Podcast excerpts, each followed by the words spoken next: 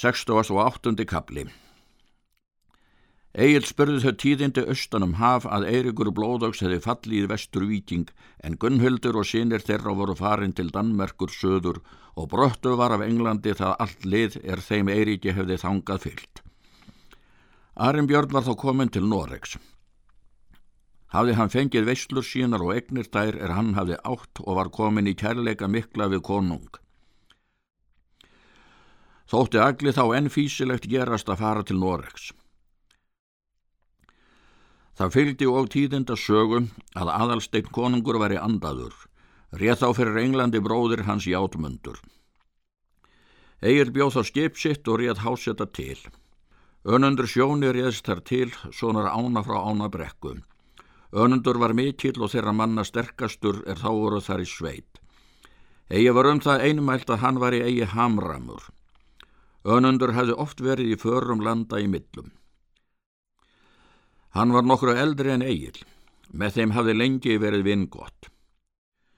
Og þegar Egil var búinn, let hann í haf og greittist þeirra ferð vel, kom að meðjum Noregi. Og er þeir sá land stemdu þeir inn í fjörðu og er þeir fengu tíðindi af landi var þeim sagt að Arimbjörn var heima að búum sínum heldur eigið þangað skipis sínu í höfn sem næst bæ Arnbjarnar. Síðan fór eigið að finna Arnbjörn og var þar fagnarfundur mikill með þeim.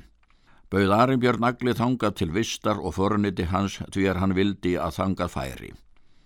Egil þekktist það og let ráða skipi sínu til hlunns en hásetar vistuðust. Egil fór til Arnbjarnar og þeir tólf saman. Egil hefði látið gera langskipssegl mjög vandað. Segla gaf hann Arimbyrni og enn fleiri gjafar þær er sendilegar voru. Var Egil þar um veturinn í góðu yfirlæti. Egil fór um veturinn söður í sogn að landskildum sínum, dvaldist þar mjög lengi. Síðan fór hann orður í fjörðum. Arinnbjörn hafði jólabóð mikið, bauð til sinn vinum sínum og hér að spondum. Var þar fjölmenni mikið og veistla góð. Hann gaf agli að jólagjöf slæður gerðar af silki og gullsaumaðar mjög, settar fyrir allt gull knöppum í gegnum niður. Arimbjörn hafi látið gera klæði það við vöxt eigils. Arimbjörn gaf agli alklæðnað nýskorinn að jólum, voru þar skorin í ensk klæði með mörgum litum. Arimbjörn gaf margskonar vingjafir um jólinn þeim mönnum er hann höfðu heimsótt því að Arimbjörn var allra manna örvastur og mestur skörungur. Þá orti eigil vísu. Sjálfræði létt slæður, silkið, drengur og fengið, golla knappaðar greppi, getka aldrei vin betra. Arinn Björn hefur árnat, eirar löst eða meira, síðmann segur og fæðask, slíkr ott vita ríki.